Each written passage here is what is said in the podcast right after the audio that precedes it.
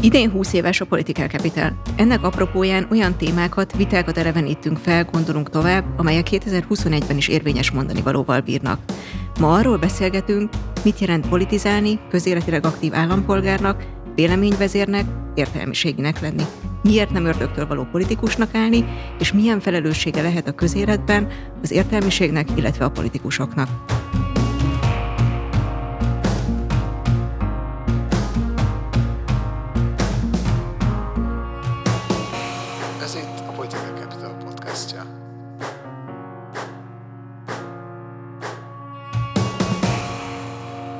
Szitás Katalin vagyok, és itt van velem Énsik Sándor ügyvéd, a Diétás Magyar Múzsa főszerkesztője, valamint Radnóti András külpolitikai jellemző, a Millennium Emerging Europe ügyvezetője. Köszönöm, hogy elfogadtátok a meghívásunkat. Köszönöm, hogy itt lehetek, jó napot kívánok. Én is köszönöm.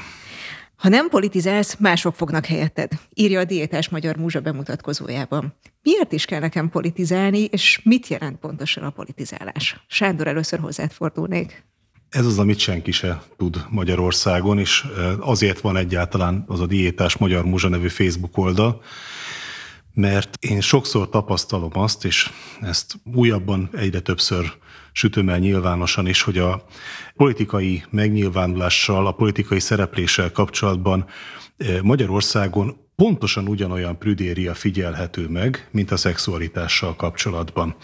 Elsőre akár viccesnek is tűnhet, de ha belegondolunk, abba, hogy megbeszélni, mit tudom én, hogy legyen-e új blokja a Paksi atomerőműnek, vagy legyen-e Budapest-Belgrád vasúti összeköttetés, vagy legalábbis új belőle, akkor ennek a megbeszélésébe előbb-utóbb valaki bele fog szólni, hogy jaj, ne politizáljatok már, és az a szituáció, ahol ezt meg lehet beszélni, bármennyire is viccesen hangozzék, az nagyban hasonlít arra a szituációra, ahol azt ki lehet beszélni, hogy valakinek milyen formájú feneke van. Kocsmában sör mellett oké, okay, rendes asztaltársaságnál nem oké. Okay.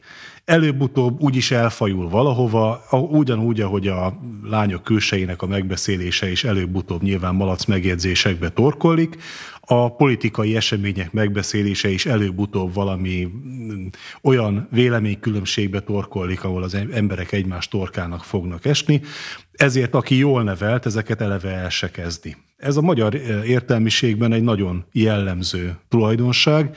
Nem tudom, hogy lehet-e ezt univerzálisan egész Közép-Európára kijelenteni, de az biztos, hogy Magyarországon eh, prüdéria van ezzel kapcsolatban, és el kell kezdeni az értelmiségnek azt a szerepét betölteni, hogy a, a politikai kérdésekről beszélni kell, és az gyakran felmerül a diétás magyar múzsán, hogy én írok például arról, hogy most mi újság a gázárral, és öt percen belül jelentkezik egy mérnök, aki kiavít, hogy rosszul tudom, hogy a gázvezetékkel mi van, mert nem is arra megy, nem annyi a kapacitása, nem az a fajta gáz megy benne, nem sokkal később érkezik egy közgazdász, aki elmondja, hogy a nemzetközi gáztősdén nem is így van, hanem úgy van, és hogy legközelebb ezt úgy kéne megírni, hogy a gáztősdének a tulajdonságairól pontosabban emlékezek meg, és ilyenkor szoktam ezeknek általában privát üzenetben érkező kiavítás küldőknek azt mondani, hogy de hát gyerekek, ha jobban értetek hozzá, mint én, ott a komment szekció, írjátok le. És itt jön ki az, hogy azok az emberek, akik bizonyos közéleti kérdésekhez értenek, egész egyszerűen nem szólalnak meg. És ezért mondom azt, hogy ha viszont ők nem szólalnak meg, akkor jönni fog valami félművelt alak, aki annyit tud róla, hogy migránsok, meg nemzet, meg hasonló ilyen lózungok, és akkor abba ő beilleszti magának a gázárat vagy az atomerőművet, és akkor annak leszünk áldozatai, hogy azok, akik, akik tudnának róla értelmeset mondani, azok, azok hallgatnak. És ezen szerintem változtatni kell. Szerintem ez a mondat, hogy ha nem politizálsz, akkor mások fognak helyetted, ez pontos. A politika nyilván triviálisan a közös ügyeinkkel, vagy a közügyeivel való foglalkozás, nyilván mindig van, mindig lesz, aki foglalkozik vele, vagy így, teszünk mi is, vagy alávetjük magunkat azoknak az akaratának, akik, akik így tesznek. Szerintem ez is legitim választás. Tehát uh, szerintem nem különösebben okos választás, nem különösebben felelősségteljes választás, de ez is egy legitim választás. Tehát nem kell politizálni, de mondjuk ajánlott. Egy primér érzelmi szinten érthető az, hogy, hogy sokan úgy döntenek, hogy inkább visszahúzódnak a magánéletbe, hogy nem politizálnak. Mentális falat emelnek a privátszféra és a közszféra között, hogy igyekeznek elhatárolni magukat a közélettől. Nyilván ez rengeteg stresszt, rengeteg feszültséget ö, spórol meg nekik. Nehéz őket vádolni tényleg. De nyilván nagy a trade-off, mert hogy az életük egy igen jelentős szelete, a magánéletüket is befolyásoló szere, szelete az, ami feledheti, feladják a, a kontrollt. Tehát a politizálás állampolgári felelősség, de biztos, hogy nem kötelesség, nem kötelezően vállalandó felelősség. De hát nem jelent mást, mint a, mint a közügyekről való informálódást, gondolkodást, véleményalkotást és véleménykifejezést, vagy véleménynyilvánítást, kiki amilyen platformon teheti, amit testezállónak tart, Nekem történetesen az a testhez áll, hogy nagy ritkán évente egyszer-kétszer valahol megírom, hogy mit gondolok arról a kérdésről, amit aktuálisan a legfontosabbnak tartok. Közben és egyébként pedig a, a Momentumban igyekszem tenni a változásért. Szóval azt gondolom, hogy a, nem csak a politizálástól való elzárkózás, hanem a pártpolitika elutasítása, pontosabban a pártok elutasítása, a valamilyen civil, ilyen nem pártos politikának az erőltetése is tévút, és, és ez is káros. Mert hogy politikai változást a pártokon keresztül lehet, és a pártokon keresztül kell elérni, akkor is, hogyha nyilván, mint minden emberi közösségben, a pártban való részvétel is súlyos kompromisszumokkal jár. Szóval, hogy ez a prüdéria, ez szerintem is van, a, a politizálással, vagy a, a politikai vélemények kinyilvánításával kapcsolatban, de hogy ez egy relatíve új jelenség. Legalábbis, ami az értelmiséget illeti biztosan. Tehát, hogy ez valahol a szélsőséges polarizációnak, vagy a, a, az elbaltázott értelmiség politika viszonynak a, az eredménye, hogy a politika az valami büdös, hogy a politikában nem, nem megyünk le.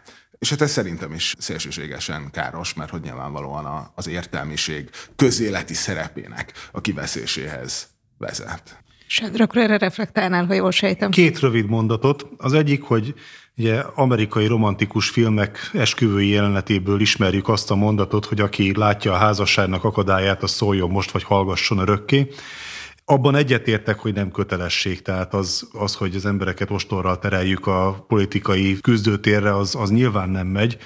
De azt is látni kell, hogy aki úgy gondolja, hogy ő neki a magánélet, meg ő nem politizál, meg el van ő a maga kis mikrokörnyezetében, hát azutána viszont ne csodálkozzon, ha a, a közügyek olyan irányba mennek, amilyen irányba neki nem tetszik. Tehát, hogy nyilván nem formálisan nem kötelesség, valóban csak felelősség, de én úgy gondolom, hogy erős felelősség. A másik dolog pedig, amit szerintem nem jól látsz, az az, hogy ez a, ez a prüdéria, ez annyira azért nem új. A gyökerei azok szerintem a kádári időkben gyökereznek, pontosan azáltal, hogy beszorítják bizonyos szituációkba a politikai eszmecserét. Amit az előbb mondta, hogy kocsmában oké, okay, családi ebédasztalnál nem oké, okay, mert kiderül, hogy a kedves nagypapi olyan kommunista, mint a húzat, vagy éppen Horti Miklós katonáját énekli a harmadik unikum után. Az is igaz, amit te mondasz, hogy megvan már a, ez a polarizáció miatt az, hogy inkább bele se vágnak, meg kiderül, hogy valaki vakhitű Orbán rajongó, vagy vakhitű Gyurcsány rajongó. Ez, ez valóban új fejlemény, de az hogy, az, hogy ezzel kapcsolatban, a politikai diskurzussal kapcsolatban van egy bizonyos ilyen idegenkedés, hogy ez nem egy illendő dolog, ez szerintem visszamegy a Kádár rendszer általános prüdériájára. Igen, ebben biztosan igazad van. Ezért is szűkítettem az érvelést a, az értelmiségre. De persze az igaz, amit te mondasz, hogy ez egy, egy ilyen kádári viselkedési patternből táplálkozik, de hogy emellett nyilván a rendszerváltás az egy ilyen, ennek az országnak, a nagyvárosainak az értelmiségében egy ilyen vadul politizáló időszak volt, ami egyébként egy egészségtelen ilyen értelmiségpolitika viszonyhoz vezetett, amelynek a következményei egyrészt ismertek is, másrészt nyilván meg beszélünk róluk a következő generációban, meg a rákövetkező generációban, amely már a, a 2000-es években, meg a 2010-es években Orbán alatt szocializálódott, ott hát ez egy ilyen büdös dolog, amit nem ildomos csinálni. Akkor ebbe én bele is kapaszkodnék, hogy egy kicsit a személyes motivációtokról is beszélgessünk. András, ha én jól tudom, te valamikor a 2010-es évek közepetáján végeztél az egyetemen, amit nem Magyarországon történt. Ott is kezdtél el dolgozni Angliában. És aztán egy ponton úgy döntöttél, hogy te hazaköltözöl, vagy legalábbis részben hazaköltözöl, és valamilyen módon, ahogy említetted is, időről időre foglalkozol a közügyeivel, és írsz róla neked. Honnan jött ehhez a motiváció, mi késztetett arra, hogy ezt, ezt tedd, és így dönts?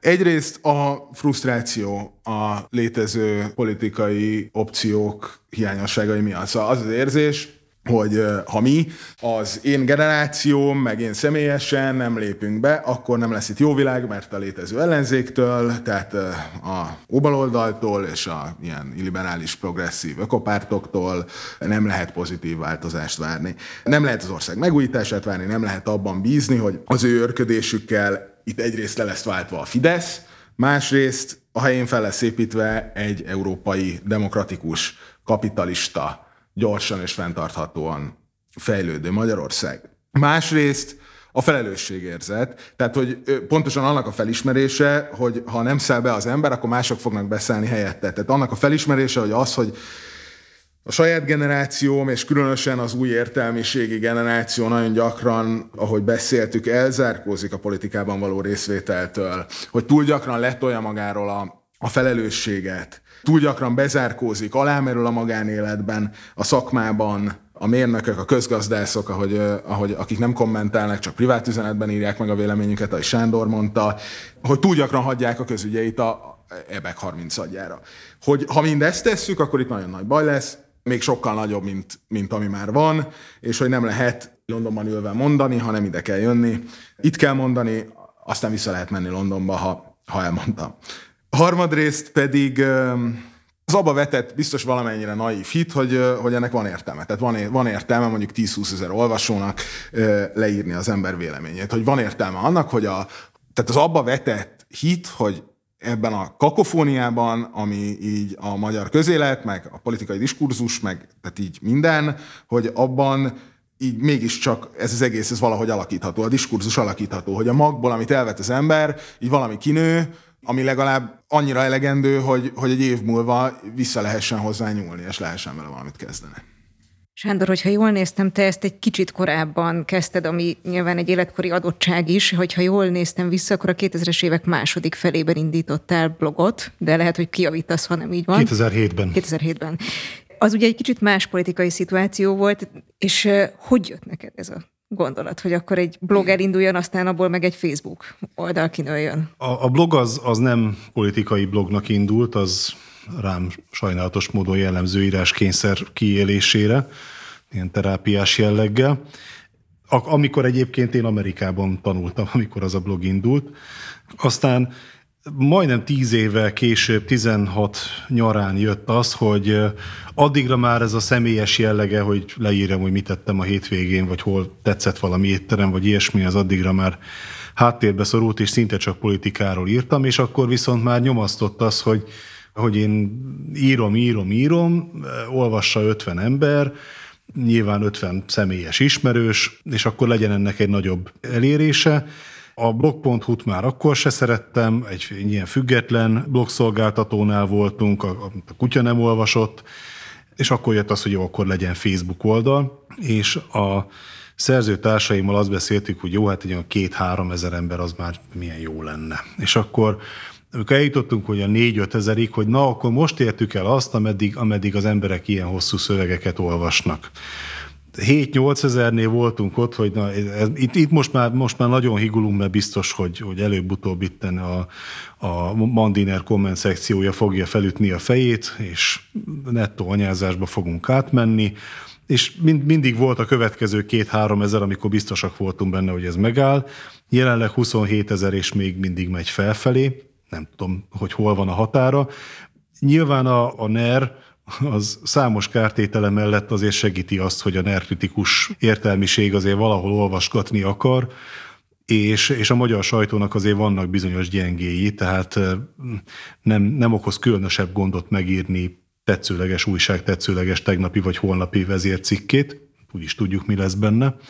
Azt szoktam mondani, hogy a diétás magyar múzsa az azért van, hogy megírjam azokat a cikkeket, amiket szerettem volna elolvasni, de nem találtam. Aztán az, hogy ezzel valakire valamilyen hatást gyakorolok, ez úgy az elmúlt másfél évnek a termése. Előtte is tudtam, hogy X olvasta, Y olvasta, de, de olyan, amikor ilyen direkt visszajelzést kapok, hogy olvastuk, tök jó ötlet volt, köszi, vagy hogy nagyon nem hülye vagy, fel foglak jelenteni, ezek ilyen egy-másfél éve vannak, tehát valahol átléptünk valamiféle határt, csak nem tudjuk, hogy mikor és egész pontosan miért. De, de mondom, eredetileg, eredetileg egyrészt közléskényszer, másrészt pedig, ha már ilyen önéletrajzi dolgoknál vagyunk, én, én az ügyvédjelölti éveimet végig a politika közelében dolgoztam végig, és egy csomószor éreztem azt, hogy amikor kívülről kommentálják ezt bizonyos elemző helyek, akkor, akkor egy picit lehet, hogy nem, nem ugyanazt a műsort nézik, amit én nézek, és akkor jó, akkor én is leírom, hogy mit gondolok, és akkor kiderült, hogy erre, erre úgy kíváncsiak emberek, ami nyilván nagyon nagy elégedettséggel tölti el az embert, és ez aztán szépen lassan ilyen függőségé vált, hogy akkor kelek egy fél órával hamarabb, hogy még írjak egy posztot, mielőtt elindulok dolgozni, és társai. És akkor itt említetted is azt, hogy olvastál elemzéseket, és hogy valami másfajtát akartál írni. Arról ti mit gondoltok, hogy ez, ez hogy változott ez a kommentálás, elemzés műfaja a politika tekintetében az elmúlt időszakban? akár mondjuk csak az elmúlt egy évtizedben, de korábbra is visszamehetünk. Tehát, hogy mitől más ma politikát elemezni, mint mondjuk a 2000-es évek elején? Hát olyan szempontból én erre nem biztos, hogy tudok válaszolni, hogy mitől más, mert én közben vettem észre, hogy én politikát elemzek, tehát én a 2010-es évek elején abszolút nem gondoltam arra, hogy én politikát elemzek, vagy akár csak politikáról írogatok, aztán ez úgy kialakult. Amit én látok, az az, hogy tíz évvel ezelőtt mindenki komoly politológus volt, aki a komoly politológus pózából elemzett, és ez azért szétvált arra, aki a tévében, ez amit az amerikai ilyen panditnak hív, hogy jól lekommentálja, hogy tegnap mi volt az összecsapás X és Y között, és ilyen, ilyen knézienői magasságokba emelkedve, hogy az angol bíró engedi a keménységet, meg a olaszok határozottan védekeznek, meg hasonló jó kis szaftos közhelyekkel megy. Hát vannak bizonyos tévécsatornák, anyukán rendszeresen nézi az egyiket, ahol este összeengednek négy-öt politikai elemzőnek nevezett egyént, akik jó politikai elemeznek, és ez szerintem élesen elvált attól, ha valaki megrendelésre dolgozik, és tényleg tanácsot kell adnia, mert az szerintem ma már abszolút adatalapú. Lehet óriási ívű megmondásokat csinálni arról, hogy mit gondol a választó Szabolcs megyében, meg meg is lehet mérni, hogy mit gondol a választó Szabolcs megyében, és azok a politikai erők sikeresek, amelyek nem a madárjóslásból indulnak ki, hanem adatokból. Én szerintem egy harmadik műfajt csinálok, amikor az értelmiség hozzászól. A politikához én ezt nem tekintem olyan szempontból elemzésnek, hogy ez szisztematikus lenne, vagy adatalapú lenne, Alapvetően pozitív a változás szerintem, mert hogy, mert hogy demokratizálódott ez a megmondó ember szerep. A, a rendszerváltás időszakának ezek a felkent megmondói, ezek lassan eltűnnek. Most abból a szempontból nyilván nem egy örömteli folyamat, hogy mégiscsak arról van szó, hogy a rendszerváltó értelmiség nyilván sokat hibázott, stb., de hogy alapvetően hazafiasságból cselekedett, hogy a földre lettek kényszerítve, hogy, hogy ki lettek semmizve, ki lettek csinálva, meg lettek rugdosva, meg lettek alázva Orbánék által. És ugye emellett zajlik egy ilyen generációváltás, amiben ugyanez az értelmiség gyakran nem viselkedik hibátlan eleganciával. Tehát, hogy vannak ennek az értelmiségnek intézményei, folyóiratok, egyetemi tanszékek, stb., ahol nem zajlott le, vagy nem úgy zajlott le az a generációváltás, ahogy mondjuk az ember ezt elképzeli, hogy elegánsan lezajlik. De legfőképpen az van, hogy veszített, egyszerűen veszített a, a, a jelentőségéből bizonyos típusú autoritás. Tehát nem érdekel a közönséget, hogy ki felkent, ki nem. És, és Tibi atya, meg Puzsér Robert, meg nem tudom, Tamás Gáspár Miklós valószínűleg hasonló hatásfokkal éri el a, a közönségét. Mi továbbra is probléma, és itt akkor viszont vitatkozom Sándorral, hogy nem, nem válik el a tévés pándit a fizetett tanácsadótól. A, a legtöbb ilyen professzionális elemző rejtett agendával működik. Tehát politikai elemzésből megélni Magyarországon nem könnyű, elképzelhető, hogy nem is lehetséges, Hát ezért a legtöbben felcsapnak tanácsadónak is. Ami ugyanakkor szükségképpen valamelyik párthoz láncolja őket. És ezzel nincsen sem baj, csak nyilván ez egy olyan szubjektivitást eredményez, amiről nem árt a közönséget tájékoztatni. Viszont ez elég gyakran elmarad. Ez igaz, és ebben teljesen igazad van. Mondjuk nyilván tőlünk fejlettebb politikai kultúrájú országokban, ugye XY think tanknek az alkalmazottjáról mindenki tudja, hogy az a think tank az éppen kinek a holdudvarához tartozik. Hát van ilyen is, meg vannak olyan nagy piacok, ahol egyszerűen független elemzésből is meg lehet érni, vagy erre is van pénz. Az értelmiség ellenességre szeretnék reflektálni.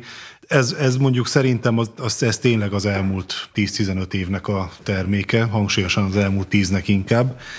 Párhuzamosan azzal, hogy megöregedett a rendszerváltó értelmiség, azon gondolkodott el közben az ember, hogy ezek az emberek gyakorlatilag kormányt buktattak ezelőtt 21 néhány évvel.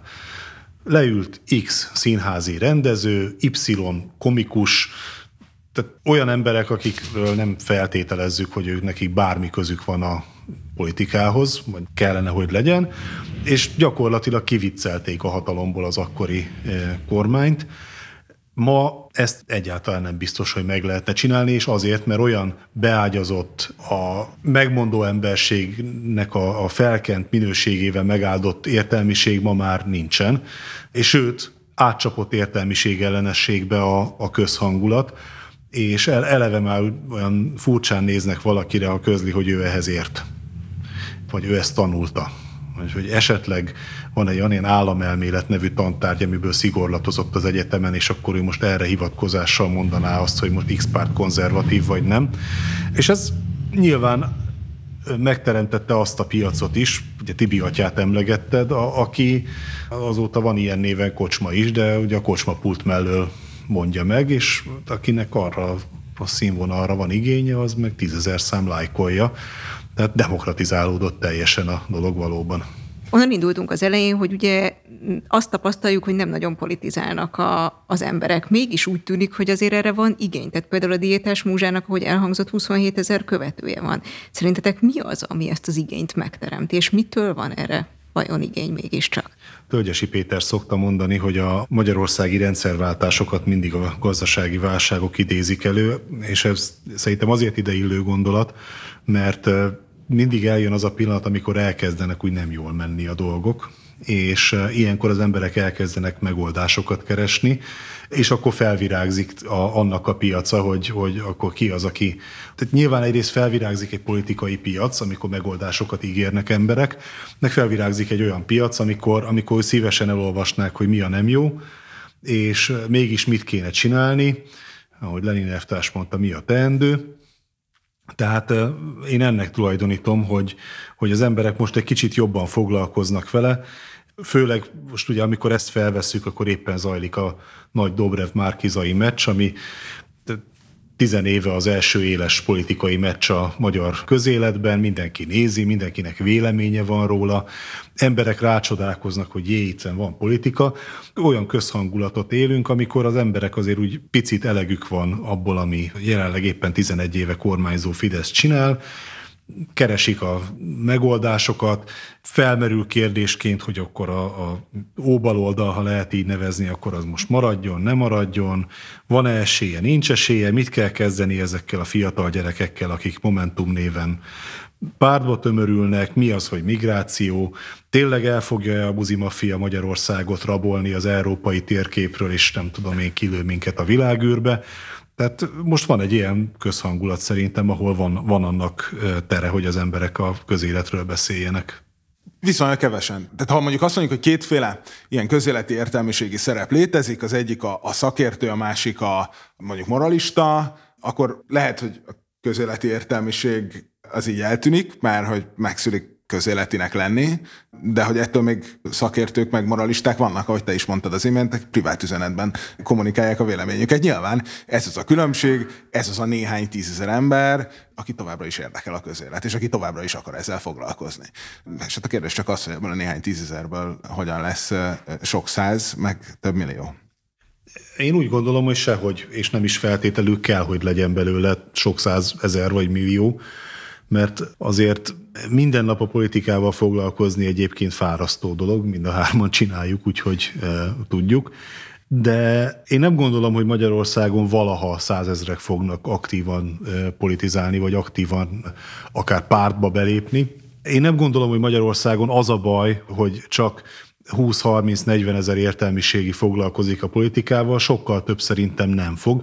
Nyilván jó lenne egy, egy, egy legalább ugyanekkora nagyságrendű vállalkozói réteget megszólítani, hogy igenis szólaljon már meg az, aki tíz alkalmazottat fizet egy villanyszerelő cégben, hogy nála jobban senki se látja. De igazából nem az a baj, hogy kevesen politizálnak, hanem az, hogy ezt aktívan kevesen teszik szerintem. Tehát nem lépnek be pártba, nem indulnak el önkormányzati képviselőnek, a kicsiben sem csinálják. És ezzel kapcsolatos egyébként az, a, a magyar politikában az előbb említett jelenleg élőben zajló meccsel kapcsolatban vannak óriási rácsodálkozások, hogy a politikus szokott hazudni. A politikus érdekeinek megfelelően egyik nap ezt mondja, másik nap azt mondja. A tegnap még masszívan hazaáruló politikus ma kiáll és azt mondja, hogy hát tegnap elég fáradt volt, és azért hazaárulózott le valakit, és mindenki nézi, hogy hát ezek, ezeket akarjuk megválasztani, és, és nincsen meg az emberekben az a rutin, ami mondjuk egy amerikai politikát követő emberben megvan, hogy persze, hogy hazudik. Persze, hogy pálfordulásai vannak. Hát akkor, amikor azt mondta, hogy, akkor éppen az oklahomai főügyészi helyet akarta megszerezni, most meg, most meg alelnök jelölt. Hát persze, hogy akkor azt mondta, most más mondott. Nyilván ezt felhánytorgatják neki. Nálunk a politikai kultúra tartott, hogy ezt mondjuk nem tekinti a műsor részének, és ez azért van, mert, mert kevesen vesznek részt a műsorban. Most már kerülgetjük ezt a pártpolitika témát, akkor egy kicsit megint a személyes részre térnék vissza. András már utalt rá, hogy ő a Momentumhoz közel áll, konkrétan a párt tagja is, és talán nem titok, hogy Sándor is egy időben segítette a Momentum munkáját, ha jól tudom, nem tagként. Nektek honnan jött az a lépés, vagy az a, az indítatás, hogy akkor ebből a kommentátori szerepből kilépve, vagy nem tudom, hogy esetleg párhuzamosan csinálva, belépjetek, vagy közelebb lépjetek a direkt pártpolitikai térhez?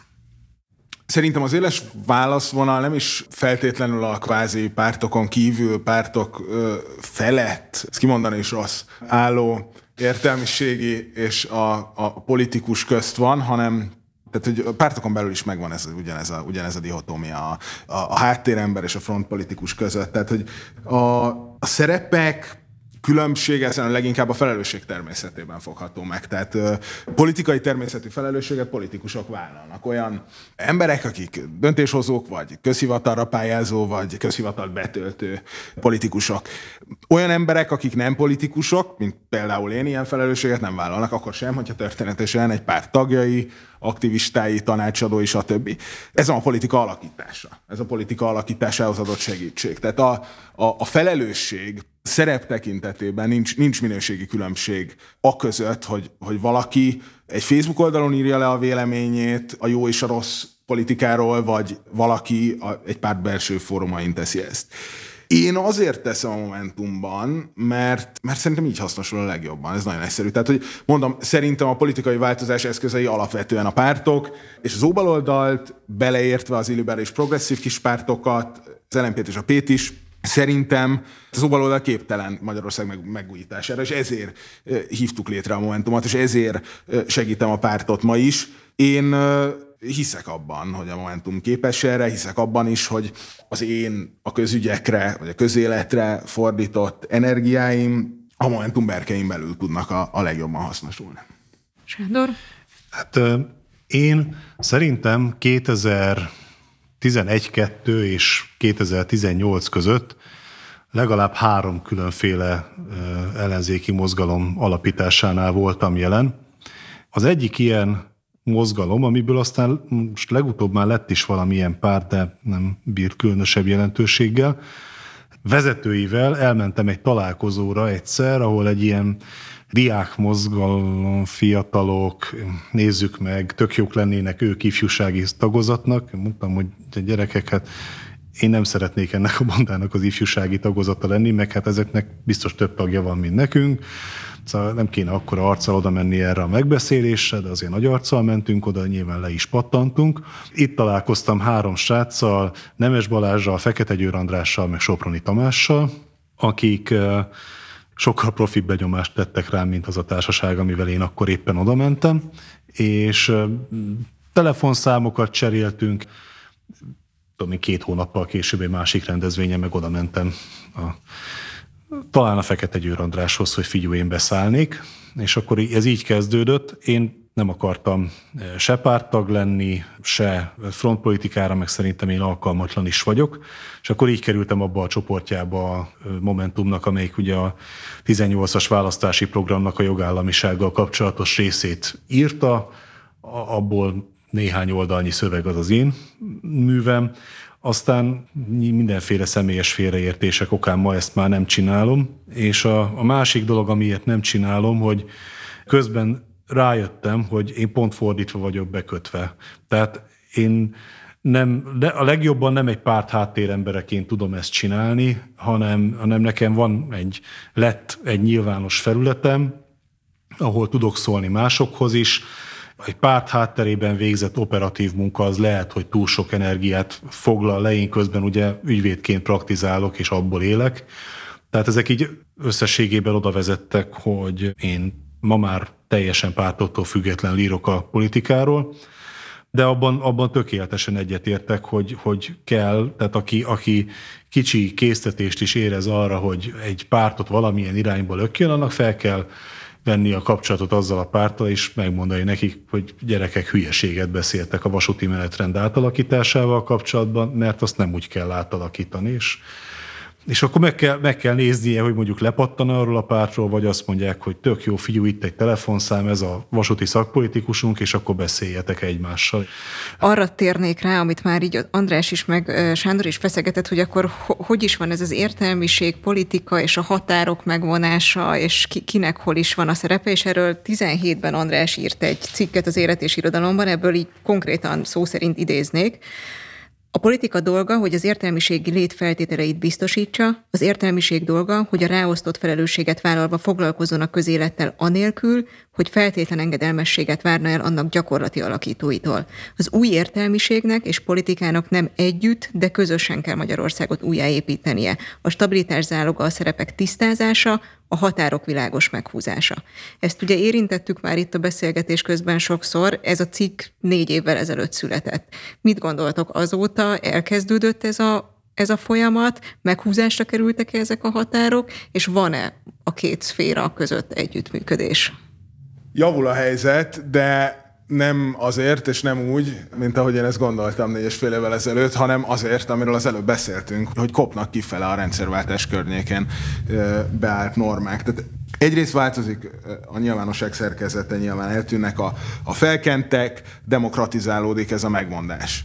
Másrészt cserélődik a, a politikusi gárda, cserélődik az értelmiségi gárda, és bizonyos kulcsnormák nem, nem öröklődnek. És bizonyos autoritás sem öröklődik. Tehát a mor- az értelmiség morális autoritása nem öröklődik át az új generációra, azért, mert az új generáció nem élte át a 70-es, 80-as évek üldöztetését. Tehát, hogy a rendszerváltás utáni két, két és fél évtizedben meghatározó gyakorlat, hogy a politikából az értelmiség így kibejárkálhat, a független értelmiség meg a cselekvő, vagy a független értelmiségi, meg a cselekvő politikus szerepe az így, az így felcserélhető, ez, ez eltűnőben van.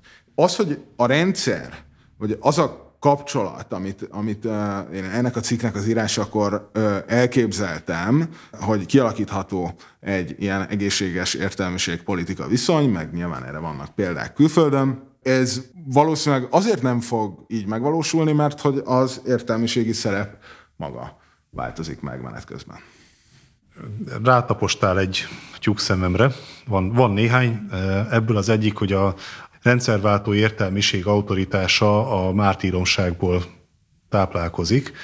Ez mondjuk tökéletesen igaz Kőszeg Ferencre. Nem mindenki Kőszeg Ferenc, eh, hogy még fotója is legyen arról, hogy kergetik a BM emberei. Az értelmiség autoritása nyilván kisebb részben táplálkozik abból, hogy valakit konkrétan üldöztek a Kádár korszakban, de van egy olyan vonulat is, hogy eh, olyan értelmiség volt, amit szinte szóban is nagybetűvel, nagy ébetűvel mondjuk, hogy értelmiség. Ezzel kapcsolatban ugye azért nehéz pontosan fogalmazni, mert azonnal burjánzani kezd az antiszemitizmus, ha ezt az ember feszegeti. A Kádár korszaknak az érett változatára ugye jellemző az, hogy kialakult egy olyan jellemzően fővárosi, kisebb részben megyeszékhelyi értelmiség, aki elfoglalta azt a pozíciót, hogy ők, a, ők a, az értelmiség, és ők nyilvánulnak meg bizonyos közéleti kérdésekben.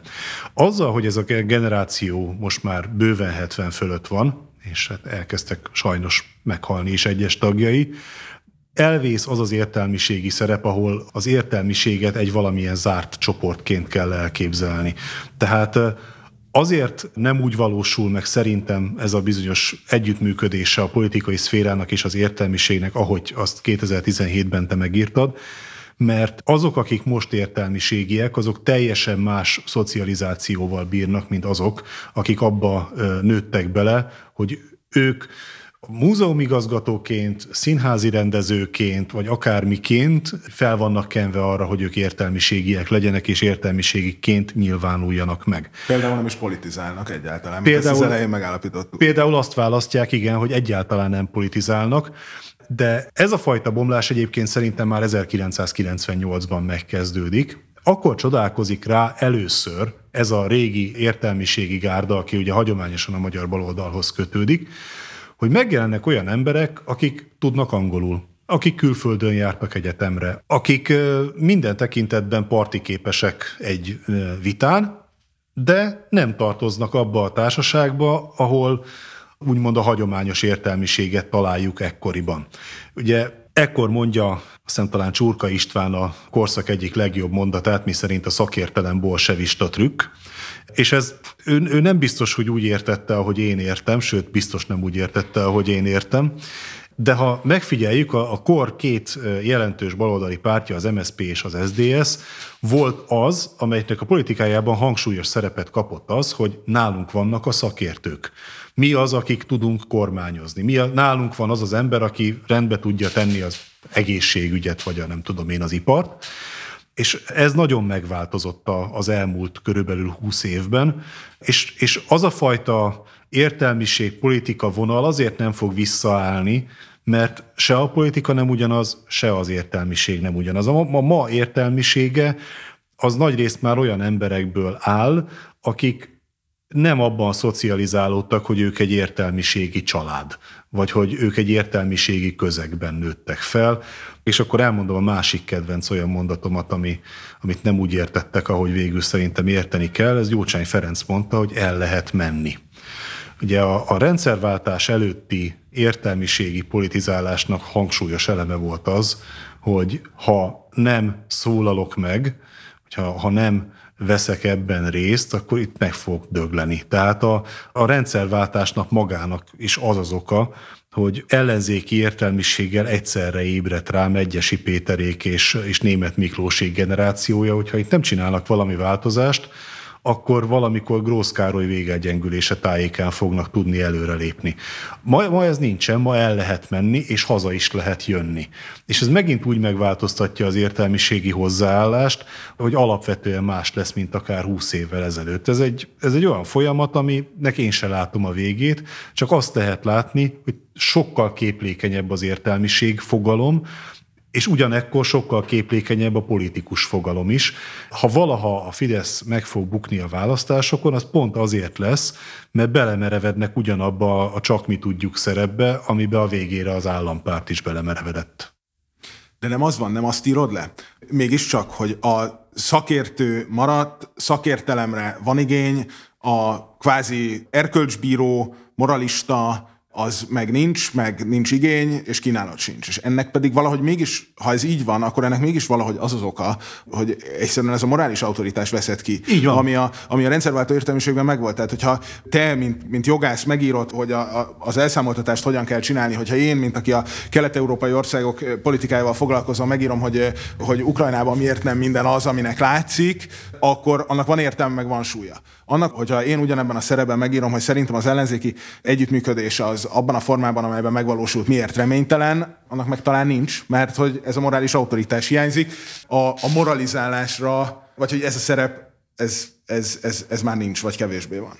Kevésbé van szerintem.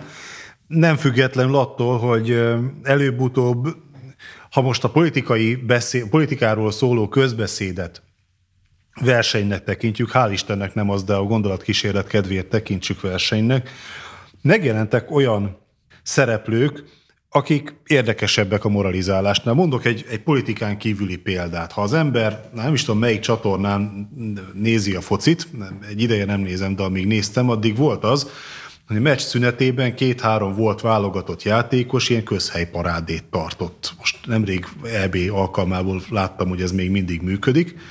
Megbeszélik, hogy a, az angol csapat nem annyira technikás, de hajt, a brazilok nagyon technikásak, és tényleg repkednek a közhelyek, és elég felmenni a Facebookra, és van három olyan elemző, aki a tegnapi meccset úgy elemzi, hogy elmondja, hogy ez a felállás, ennek ez az előnye, ezt ezért választották, ez ennyit futott, az annyit passzolt, ez ennyi párharcot nyert meg, az ilyen részletes elemzésnek vetik alá a meccset, és ez sokkal érdekesebb a futballt nem ismerő ember, vagy nem, nem értő ember számára, jé, tényleg most visszanézem, ezek tényleg pont 18 méterre álltak fel a saját alapvonaluktól, és ez, ez valóban a más a 35. perctől kezdve, ez felment 23 méterre, és mekkorát húzott már az edző, amikor ezt csinálta. A moralizáló értelmiségi szerepről sajnos kiderült, hogy sokszor nem több moralizálásnál, és aztán kiderült, hogy ez még ráadásul nem is pártatlan és ez, ez azért ezt nagyon tudja ám devalválni, amikor az egyik ember szellent a társaságban, akkor azt mondjuk, hogy hát igen, szegénynek gyomor problémái vannak, meg mit tudom én, amikor a másik, akkor pedig üvöltve mondjuk, hogy takarodj innen, te barbár. Ezt előbb-utóbb a közönség megbünteti. Zárásképpen akkor még egy kicsit tovább menve ezen a, az értelmiség és politikus feladata, felelőssége és esetleges együttműködése témán, amire most azt mondtuk, hogy, hogy nem működik, de hogy nézzük meg például azt, hogy ugye egyre többet halljuk gyakorlatilag napi szinten az elszámoltatás ígéretét a pártok részéről, és mintha nem is lennénk teljesen tisztában ezzel a fogalommal, hogy, hogy mit is értünk elszámoltatáson, és szerintetek ezzel az ígérettel, illetve magával az elszámoltatással milyen feladata, felelőssége lehet az értelmiségnek, ezt most értsük tágan mondjuk egy, egy véleményvezérnek, egy idézőjelesen megmodó embernek, és mi, mi a politikusnak? Én azt gondolom, hogy az értelmiség szerepe, tehát, még egyszer, egyrészt a két szerep van, a szakértő és a moralista, vagy ebben a két szerepben van dolga az értelmiségnek az elszámoltatással is. A, a jogászok megírják, hogy, hogy mit lehet és miért lehet, és mit nem lehet és miért nem lehet. A, az erkölcsbírók pedig megírják, hogy mit helyes és miért, és mit helytelen és miért. Az biztos, hogy a értelmiség, meg, meg hát a politikai osztály egy jelentős részében is van igény elszámoltatásra, van igény arra, hogy az Orbán rendszer felépítői, működtetői ne ússzák meg szárazon. Az értelmiség és a politika nyilván épp a kettő közti még mindig ilyen hát eléggé porózus határ miatt. Szóval hogy az, hogy a rendszerváltás után ez elmaradt, abban mindkettőnek van felelőssége. Ez hát a tárgyalásos átmenet következménye lett egyenesen. Tetszettek volna forradalmat Tetszettek csinálni. volna forradalmat csinálni. Itt, ahogy mindig, a politikus szerepe a, a cselekvés az értelmiségé, pedig a nyilvános reflexió. nyilván a kettő között lép fel ideális esetben kölcsönhatás. De inkább szerintem a buktatók az érdekesek. Az érdekes, amikor azok az értelmiségiek, akik nyilvánosan kommentálják a politikát, evidensen nem értik a politikát, és ahogy mondod, hát így csodálkoznak azon, hogy a politikában érdekek vannak, meg a politikában ö, egyszerű szlogenekkel operálnak a politikusok, és nem, nem bontják ki az igazság minden szálát. Ezek a, ezek a momentumok az érdekesek, és nyilván ezek azok, amelyeknek a, vagy ezek azok a buktatók, amelyeknek az elkerülésére hát törekedni lenne érdemes. Én úgy gondolom, hogy a, az elszámoltatás az, az azért is láger téma, mert ugye újra egy protestválasztásra készülünk. Ugye maga a NER az egy protestválasztásnak a, a, az eredménye, amikor az ember akármilyen kételyt hangoztatott. Én 2009-10-ben olyan helyen dolgoztam, ahol hát finoman szólva nem várták azt, hogy a Fidesz letarolja a választásokat, és mindenkinek elmondták, hogy baj lesz, hogy ezek, ezek tényleg álmokfutásba kezdenek, és egy csomó ember azt mondta, hogy nem érdekel, mert, mert már legalább jöjjön már valaki, aki csinál valamit, ezekből elegem van, és jelenleg ugye azt érezte meg az, el, az ellenzék, hogy megint ugyanez a hangulat van, eltelt tíz év, nem jutottunk előre, a gazdasági fejlődés megtorpanni látszik, ugye a pandémia az gyomorba kapta a jó költségvetési számokat is, tehát megtorpantunk. Jöjjön már valami új, mert ennek, ennek, ami most van, elkezdjük újra már csak a hátrányait érezni, ahogy a 2010 előttinek is akkor már csak a hátrányait érezte mindenki. És Ilyen protestválasztásra készülünk, a protestválasztásnak pedig műfai kelléke az, hogy a legmagasabb fára már pedig a bűnösöket. Ez így elhangzik a politikában, és ugye itt jön ki annak a hatása, hogy kicsi az átjárása a szakértői és a politikai szféra között, mert ha, ha ez az átjárás kicsi, akkor, akkor senki se tud minőségileg mást mondani, és akkor kialakul egy olyan verseny, amiben az egyik párt, ugye a Momentum a felcsúti pert ígéri, a másik alkotmányt akar módosítani 50% kal Gyakorlatilag, ha lebontjuk a, a, a legbelső lényegükre ezeket a megszólásokat, akkor azt látjuk, hogy kihúzza magasabb lámpavasra Orbán Viktort. Tehát, hogy ilyen tartalmúvá vált ez a kommunikációs verseny, ami nyilvánvalóan meleg ágya annak, hogy teljesíthetetlen ígéretek jönnek egymás után. Az értelmiség ezt már leállítani nem tudja, tehát amíg kampány van, várhatóan március-áprilisig, addig ezek, ezeket fogjuk hallani, meg fogják az emberek vitatni, hogy inkább a lámpavasra kéne, vagy inkább egy magas tölgyfára, vagy netán egyenesen a templomtoronyba felhúzni. Ezekkel kapcsolatban egy műsorban nemrég a maszturbációs fantáziák kifejezést használtam, és továbbra is azt látom, hogy ezek nagyjából ezen a, ezeknek a vágyálmoknak a e, szintjén állnak. Az értelmiség arra tud figyelmeztetni, de nyilván csak abban a körben, ahol az értelmiséget meghallgatják vagy elolvassák. Egyrészt ez nem fog pont úgy megtörténni, ahogy ígérik, másrészt pedig ennek ellenére meg lehet csinálni ezt úgy, hogy jó legyen, csak az egy teljesen más dolog, mint amit ígértek. Tehát lehet elszámoltatni, még úgy is lehet elszámoltatni, hogy Polt Péter a legfőbb ügyész, és nem változtatjuk meg az alaptörvényt. Nem alapfeltétele az, hogy belépjünk az Európai Ügyészségbe. Ezek nélkül is megfelelő szakmai munka esetén van lehetőség elszámoltatásra. Csak rá kell mutatni arra, hogy ez az elszámoltatás ez bizony olyan dolog, ami, aminek a hullámai azért messzire el fognak jutni, és olyan embereket is be fognak teríteni, akikre jelenleg nem gondolunk, és akiket a kedves olvasó vagy hallgató adott esetben reggelenként a tükörben is megtekinthet. Tehát, hogy ezekre a kockázatokra lehet figyelmeztetni, meg le lehet írni, amit én annak idején a Momentum hátterében is megtettem, nemrég nyilvánosan is megtettem, meg lehet írni, hogy hogy működik ez hogy csinálják máshol, mi az, ami megtehető, és mi az, ami biztos nem fog megtörténni, minek mi a mellékhatása.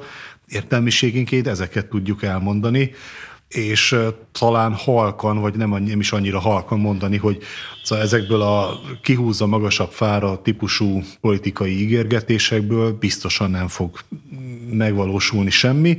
Nyilván a közhangulat most olyan, hogy ezt akarja hallani, a politikusnak meg az a dolga, hogy ezt a közhangulatot meglovagolja. Ésik Sándor ügyvéddel, a Diétás Magyar Múzsa főszerkesztőjével és Radnóti András külpolitikai elemzővel, a Millennium Emerging Europe ügyvezetőjével beszélgettem. Nagyon köszönöm, hogy itt voltatok, gyertek máskor is. Ha még nem tették, iratkozzanak fel hírlevelünkre, kövessenek minket a Facebookon, az Instagramon, a LinkedIn-en, vigyázzanak magukra, viszont hallásra.